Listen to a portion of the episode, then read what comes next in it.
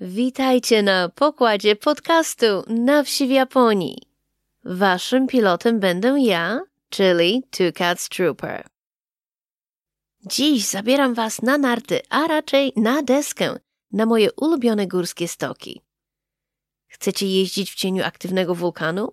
A może w najwyżej położonym ośrodku narciarskim w Japonii? To ubierajcie się ciepło, bo przy okazji dowiemy się, ile śniegu pada w Japonii.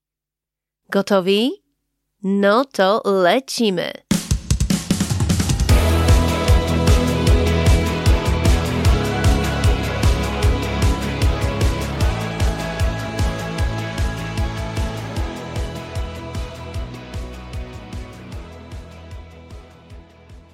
Odcinek dziewiąty. Kiedy w zeszłym tygodniu chwaliłam się na Instagramie moim nowym sprzętem do snowboardu, to wspominałam, że moja nowa deska jest produktem całkowicie japońskim. Made in Japan od projektu aż po wykonanie. Wiązania i buty są marki Burton, ale deska to Rice 28. Nie spodziewałam się wtedy, że wywoła to takie emocje i że dostanę aż tyle wiadomości. I te wiadomości zbiły mnie nieco z tropu, bo okazało się, że sporo ludzi było zdziwionych, że po pierwsze, w Japonii pada śnieg. Po drugie, pada go na tyle, że można uprawiać sporty zimowe. Po trzecie, że Japończycy w ogóle sporty zimowe uprawiają. Po czwarte, że aż tylu Japończyków uprawia sporty zimowe, że istnieją firmy krajowe, które produkują sprzęt na rynek japoński. No, nie powiem, byłam zaskoczona, ale też nie do końca. Bo podzielę się z Wami małym sekretem. Kiedy pierwszy raz przyjechałam do Japonii, też nie miałam specjalnego wyobrażenia o tym kraju jako o kraju zimowym, a wręcz przeciwnie – i to pomimo tego, że wiedziałam, że zimowa olimpiada odbywała się w Japonii nie raz, a dwa razy.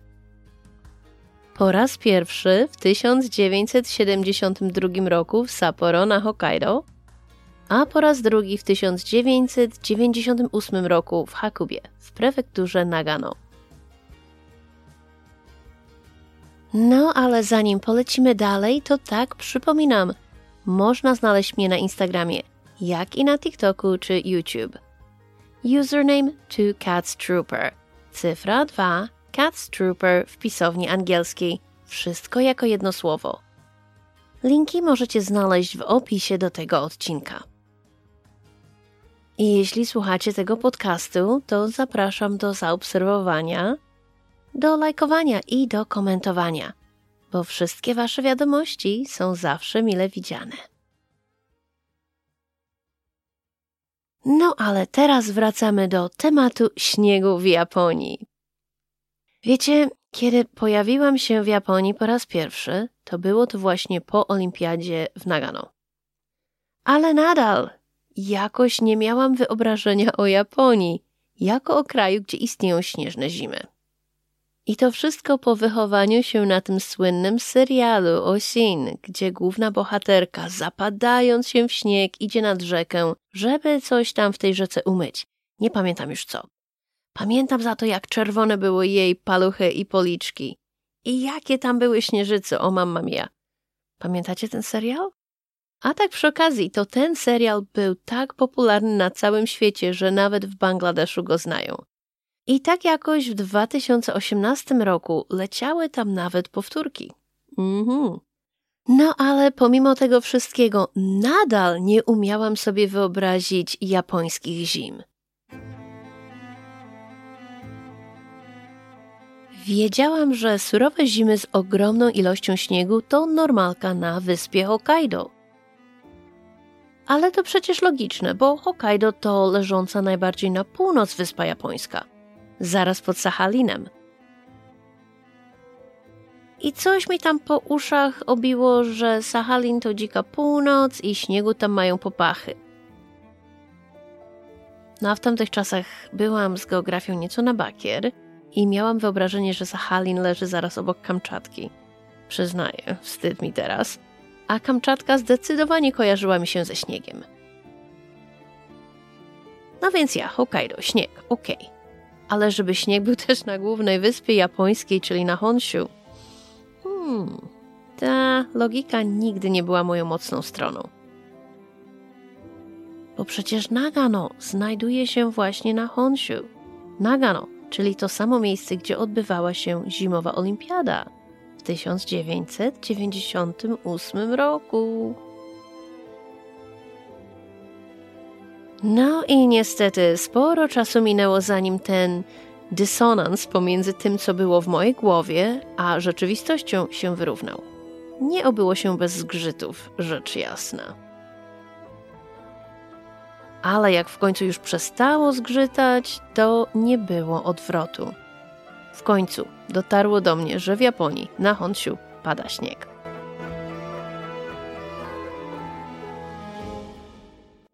A dotarło innymi dzięki paru zimom spędzonych w okolicach Nikko, prefekturze Tochigi. Nikko jest pieszczotliwie znane jako zamrażarka regionu Kanto, bo klimat tam bardziej przypomina Hokkaido niż resztę Kanto. A Kanto to region naokoło Tokio z Tokio włącznie. I to właśnie w zamrażarce regionu Kanto miałam przyjemność spędzenia kilku zim starym budownictwie, gdzie woda w kibelku zamarzała w nocy i gdzie padał śnieg. Czasem więcej, czasem mniej, ale padał zawsze. Były poranki, kiedy przedzierając się przez zaspy do samochodu, czułam się jak bohaterka tego słynnego serialu. Tak, przez zaspy, bo odśnieżanie to obowiązek właścicieli poszczególnych domów. I różnie do tego ludzie podchodzą. Jedni bardziej gorliwie, inni mniej, a jeszcze inni wcale. Ale nawet przy codziennym śniegu nadal nie bardzo do mnie docierało, że Japonia to najbardziej śnieżysty kraj na świecie. Nie, że jeden z najbardziej śnieżystych, ale najbardziej śnieżysty. Numero uno. Koniec i kropka. Zdziwieni? Oj, ja też byłam. Może dlatego tak długo to trwało, zanim w końcu ta wiadomość zarejestrowała się w mojej świadomości i mój mózg przestał z nią walczyć. No bo jak to Japonia? Japonia? Dlaczego nie Nepal, czy Grenlandia, Kanada, no, czy nawet Rosja? Nie kurczę, nie, taka mała, niepozorna Japonia. A tymczasem, według danych AccuWeather, topowa trójka miast z największymi opadami śniegu na świecie znajduje się właśnie w Japonii. Na pierwszym miejscu jest miasto Aomori w prefekturze Aomori. No, przynajmniej łatwo zapamiętać. Przeciętnie w ciągu roku spada tam około, i teraz niech się nie pomylę, 792 cm śniegu, czyli prawie 8 metrów. I tu trzęsie mnie na samą myśl. No wiecie, nic dziwnego, że domy tam, w tamtych regionach, mają takie specjalne wejścia na drugim piętrze. Czyli w zasadzie po polsku na pierwszym piętrze, bo tutaj parter liczy się jako pierwsze piętro. Na drugim miejscu jest Sapporo na Hokkaido, ale tam raptem pada tylko jakieś nędzne 485 cm śniegu w ciągu roku. Czyli prawie 5 metrów, ale przy Aomori pff, to jest dalekie drugie miejsce. I tak w zasadzie to oczywiście jest wiele innych mieścin pomiędzy Aomori i Sapporo, ale ten ranking z AccuWeather uwzględnia tylko miasta powyżej 100 tysięcy mieszkańców. Więc na trzecim miejscu jest miasto Toyama w prefekturze Toyama. Tutaj znowu się nie wysilali za bardzo z nazwą. A tam spada raptem jakieś 363 cm śniegu w ciągu roku czyli bida z nędzą w porównaniu do Aomori. Ale jeśli nazwa Toyama obiła się już Wam o uszy, to najpewniej było to przy okazji Tateyama Kurobe Alpine Route, czyli Tateyama Kurobe trasy alpejskiej. Jest to widowiskowy szlak górski, który jest zamknięty w zimie z powodu ogromnych opadów śniegu. A chyba najbardziej znanym odcinkiem tej trasy alpejskiej jest Yuki no Otani, czyli droga wyryta w ścianach śniegu. Na zdjęciach dla większego efektu zazwyczaj jedzie tą drogą autobus. I niestety bardzo wiele osób na świecie jest przekonana, że jest to normalny autobus miejski i że tak wspaniała jest komunikacja publiczna w Japonii, że nawet śnieżne ściany po obu stronach drogi nie są straszne drogowcom. Niestety nic bardziej mylnego. Ten autobus to specjalna turystyczna trasa. A wykopywanie tego śnieżnego korytarza zaczyna się w kwietniu, kiedy już przestanie padać śnieg. Są dwie trasy, aby się tam dostać. Jedna wiedzie właśnie z miasta Toyama, a druga od strony prefektury Nagano. My oczywiście wybieramy trasę z Nagano, bo tak jest dla nas najłatwiej tam dojechać. I kiedy byliśmy tam w 2022 roku, to 23 kwietnia ta ściana śniegu miała w najwyższym punkcie 18 metrów wysokości. Powtarzam, 18 metrów wysokości, a przeciętnie około 12. No ale jak się okazuje, po śnieżne rekordy wcale nie musimy fatygować się do Toyamy czy Aomori, bo mamy je całkiem blisko domu, jakieś 50 kilometrów stąd. A to dlatego, że mieszkamy po wschodniej stronie pasma górskiego Echigo, czyli po stronie prefektury Gumma. Po zachodniej stronie, od strony prefektury Niigata, kilkumetrowe opady śniegu to normalka. No a skąd biorą się te masywne opady śniegu w Japonii? Hmm, z położenia geograficznego. I tutaj obowiązkowe, nudne wytłumaczenie, więc możecie sobie odpuścić kilka następnych sekund, jeśli Was to nie interesuje. No i teraz wiedza podręcznikowa. Zimą zimne, suche powietrze napływające z kontynentu azjatyckiego pochłania ciepło i parę wodną, przechodząc nad Morzem Japońskim, generując chmury śnieżne. Kiedy chmury te zderzają się z pasmami górskimi w Japonii, biegnącymi z północy na południe przez centrum regionu Tohoku i pasmem górskim Echigo, rozciągającym się dalej na południe, upuszczają one tą wilgoć w postaci śniegu u podnóża gór. I taka intensyfikacja zimowych wzorców pogodowych prowadzi do obfitych opadów śniegu nawet w tych miejscach, które są nisko położone, co wymaga szeroko zakrojonych operacji usuwania śniegu. Według oficjalnych statystyk rządu japońskiego to 51% całego kraju zalicza się do tych bardzo śnieżnych obszarów. Nie jakimś tam, gdzie czasem pada śnieg, ale do obszarów z obfitymi opadami białego puchu. I jeśli jesteście tymi danymi zaskoczeni, to nie przejmujcie się zbytnio. Ja sama o tym nie miałam pojęcia, kiedy zamieszkałam w Japonii.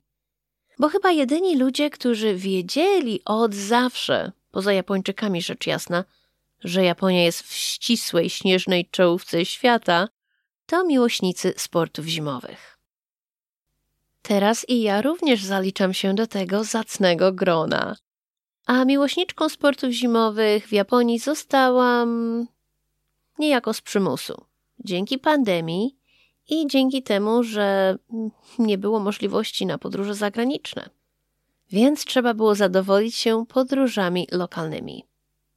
A tutaj pomogło mi położenie naszej prefektury, prefektury Gumma, bo mamy łatwy dostęp do śniegu i w Nagano, i w Nigacie, i do naszego rodzimego też.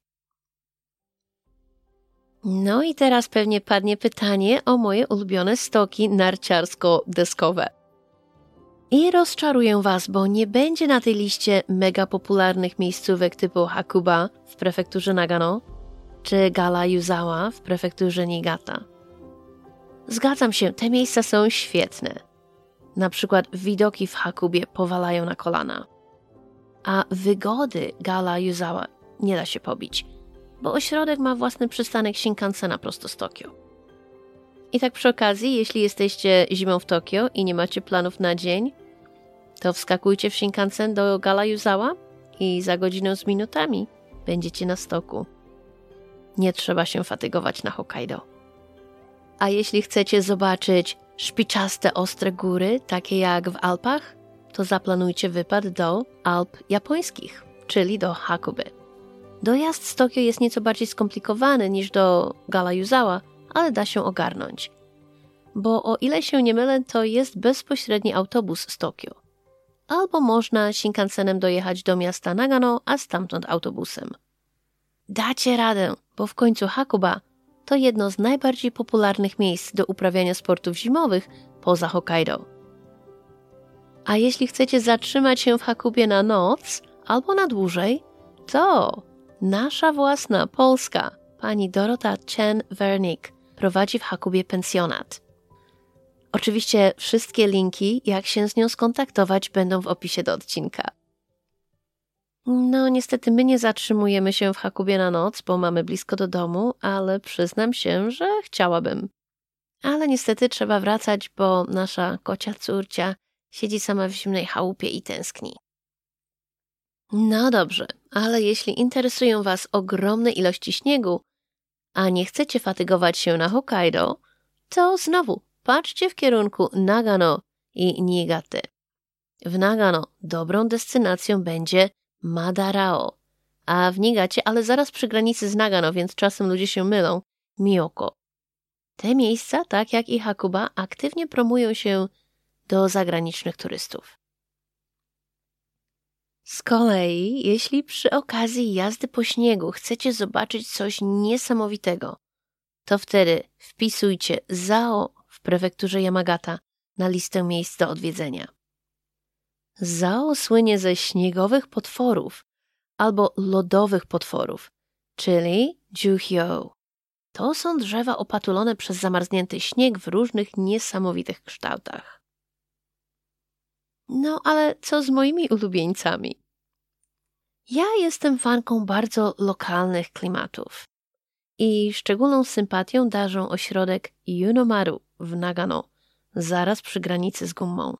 Stary, prymitywny, bez blasku, bez hajsu, bez hypu i bez tłumów. Zaraz obok Yunomaru leży Asama 2000, choć teraz zmienili nazwę na Takamine Mountain Park. 2000 to nie chodzi o rok założenia ośrodka, ale o położenie ośrodka nad poziomem morza.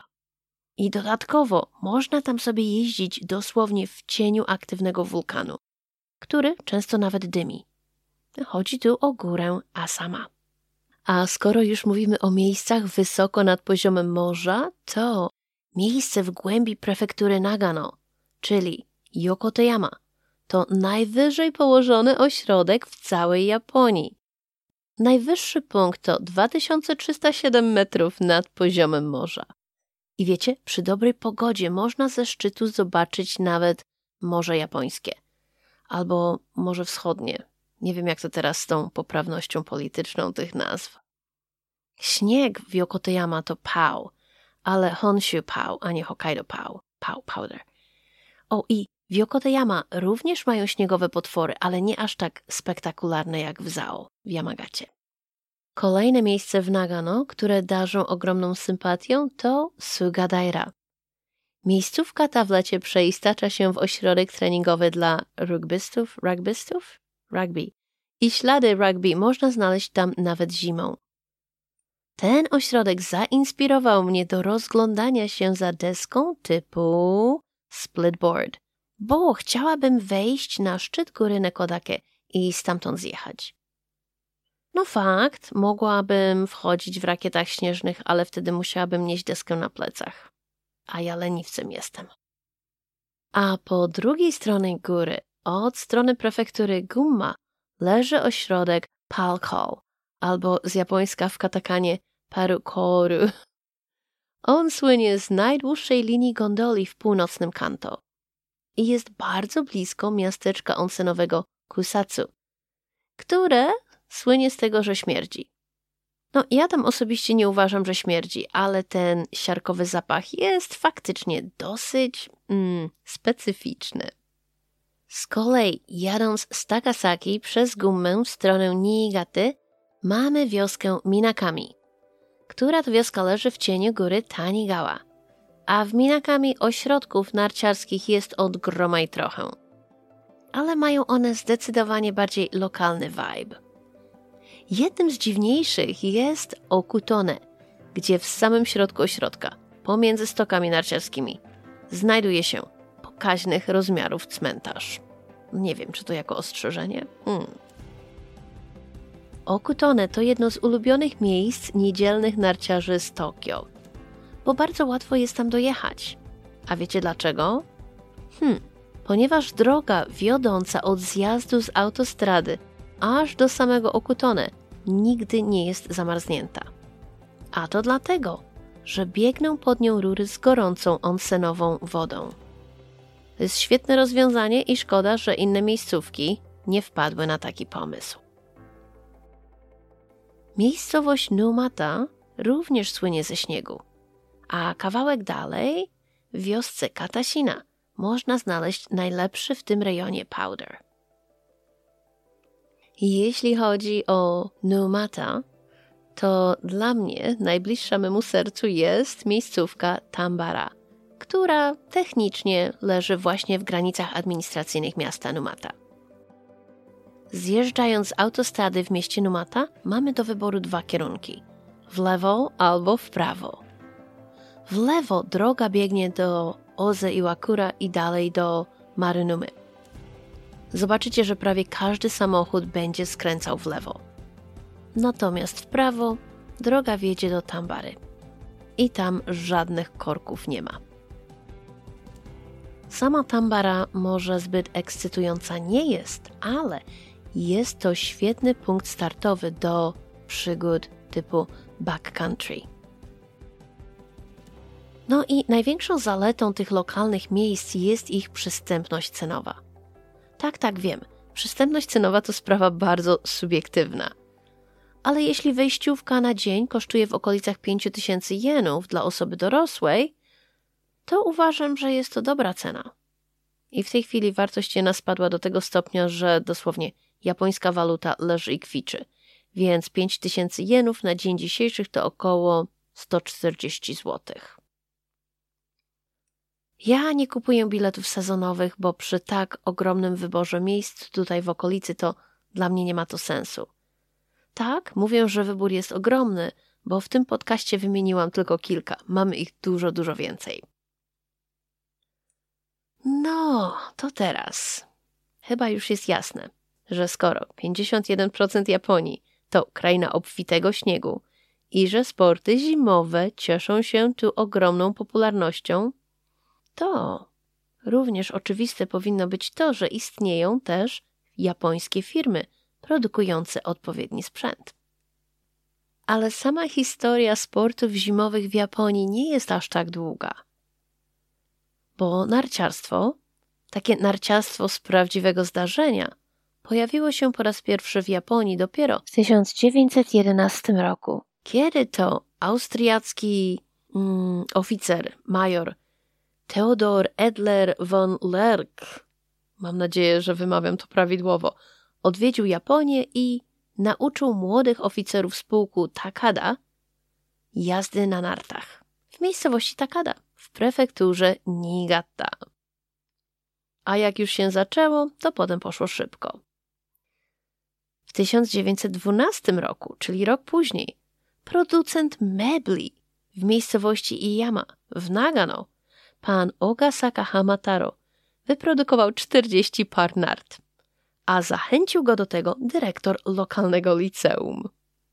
Na samym początku narty produkowane były na potrzeby wojskowe, bo oczywiście, jak wszędzie indziej na świecie, nowe technologie idą na potrzeby wojska.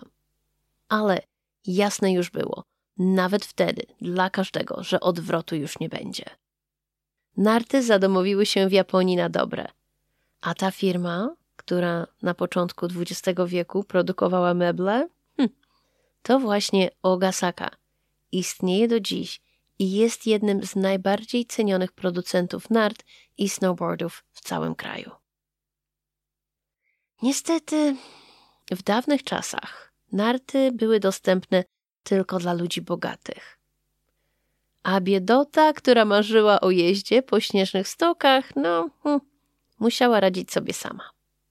Mój teść właśnie opowiedział mi historię, jak za jego młodości, czyli w latach 50. XX wieku, chłopaki na wsi majstrowali własne narty.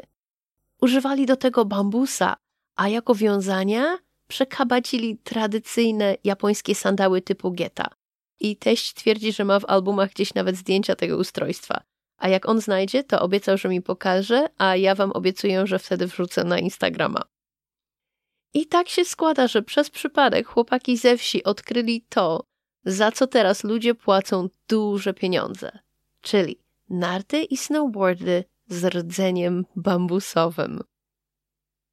Bo jak się okazuje, bambus to drewno, które ma bardzo wysoki stosunek wytrzymałości do wagi. Jest bardzo elastyczne i sprawia, że jazda na takich nartach lub desce jest niewiarygodnie gładka, nawet w trudnym terenie. No ale wracamy do firmy Ogasaka. Fabryka Ogasaki znajduje się w Nagano, czyli tam, gdzie zaczęła się cała historia tej firmy. Ale nie jest to jedyna fabryka snowboardów w Japonii. Prefektura Niigata jest również popularnym miejscem, bo znajdują się tam aż trzy fabryki snowboardowe. Jedna z nich należy do ogromnego koncernu sportowego Yonex. Yonex produkuje dosłownie wszystko, od rakiet do tenisa aż po snowboardy. Ich snowboardy są wykonane całkowicie z włókna węglowego, all carbon i są super lekkie. Próbowałam deskę Yonex w zeszłym roku i choć ja fajnie się jeździło, to jednak nie do końca mi to odpowiadało. No cóż, chyba jestem tradycjonalistką. No i oprócz Nagano i Niigata jest jeszcze fabryka nart i snowboardów Blue Morris w prefekturze Aomori. I tutaj taka fajna historia. Dlaczego Blue Morris? Ao w Aomori to Blue, Mori przeinaczyli na Morris. I tak to w 1923 roku nazwano tę firmę Blue Morris. I już od 100 lat jest ona dosłownie dumą prefektury Aomori. Tak, tak, to samo Aomori, które jest najbardziej śnieżystym miejscem na świecie. No okej, okay. przy pięciu fabrykach w Japonii łatwo sobie wyobrazić, że firm produkujących snowboardy musi być w Japonii sporo. I tak też jest. W zeszłym sezonie Tambara, czyli jeden z moich ulubionych lokalnych ośrodków, promował właśnie japońskich producentów. I właśnie wtedy to miałam okazję pojeździć na japońskich markach. Oprócz Yonexu jeździłam też na desce marki Moss. I to jest najprawdopodobniej jedna, jeśli nie jedyna japońska firma, która jest szeroko znana na całym świecie. Moss Snowstick to przecież klasyk i niemal, i niemal, niemal go sobie sprawiłam. Moss produkuje swoje deski w fabryce Ogasaki w Nagano, ale też niestety częściowo w Chinach. I są różne na ten temat opinie, bardzo podzielone, ale powiedzmy, firma traci za to punkty wśród japońskich snowboardzistów. Próbowałam też deskę marki Sabrina. Sabrina to marka japońska przeznaczona dla kobiet. Ich deski mają naprawdę piękne, delikatne kobiece motywy. I wiem, że i wśród cudzoziemek mieszkających w Japonii są fanki Sabriny. Ja do Sabriny mam dosyć mieszane uczucia. Chciałam mieć piękną deskę, ale niestety, pomimo że mam raptem 165 cm wzrostu i jestem przeciętnej wagi jak na europejską białaskę, to Sabrina niestety nie podołała wyzwaniu. To są deski dla japońskich dziewczyn, które chcą jeździć przy minimalnym wysiłku. Problemy zaczęły się już przy rozmiarówce wiązań i butów, bo wiecie, choć mój rozmiar to 25 cm, w Japonii podaje się rozmiary butów w centymetrach, to moja stopa jest za duża na buty damskie dostępne w Japonii. Na szczęście męskie pasują mi w sam raz. Ale niestety te męskie buty nie chciały pasować do Sabriny. Więc okazuje się ogólnie gabarytowo jestem ponadwymiarowa w stosunku do tego, co produkuje Sabrina. Testowałam też bardzo młodzieżową i bardzo trendy markę Asian Can Controllers. I o dziwo, choć nie jestem park rider, to deska była solidna i dawała radę w różnych warunkach. Niestety, ich grafika jest dla mnie ohydna, ale młodym ludziom, którzy inspirują się hip-hopem, bardzo się podoba.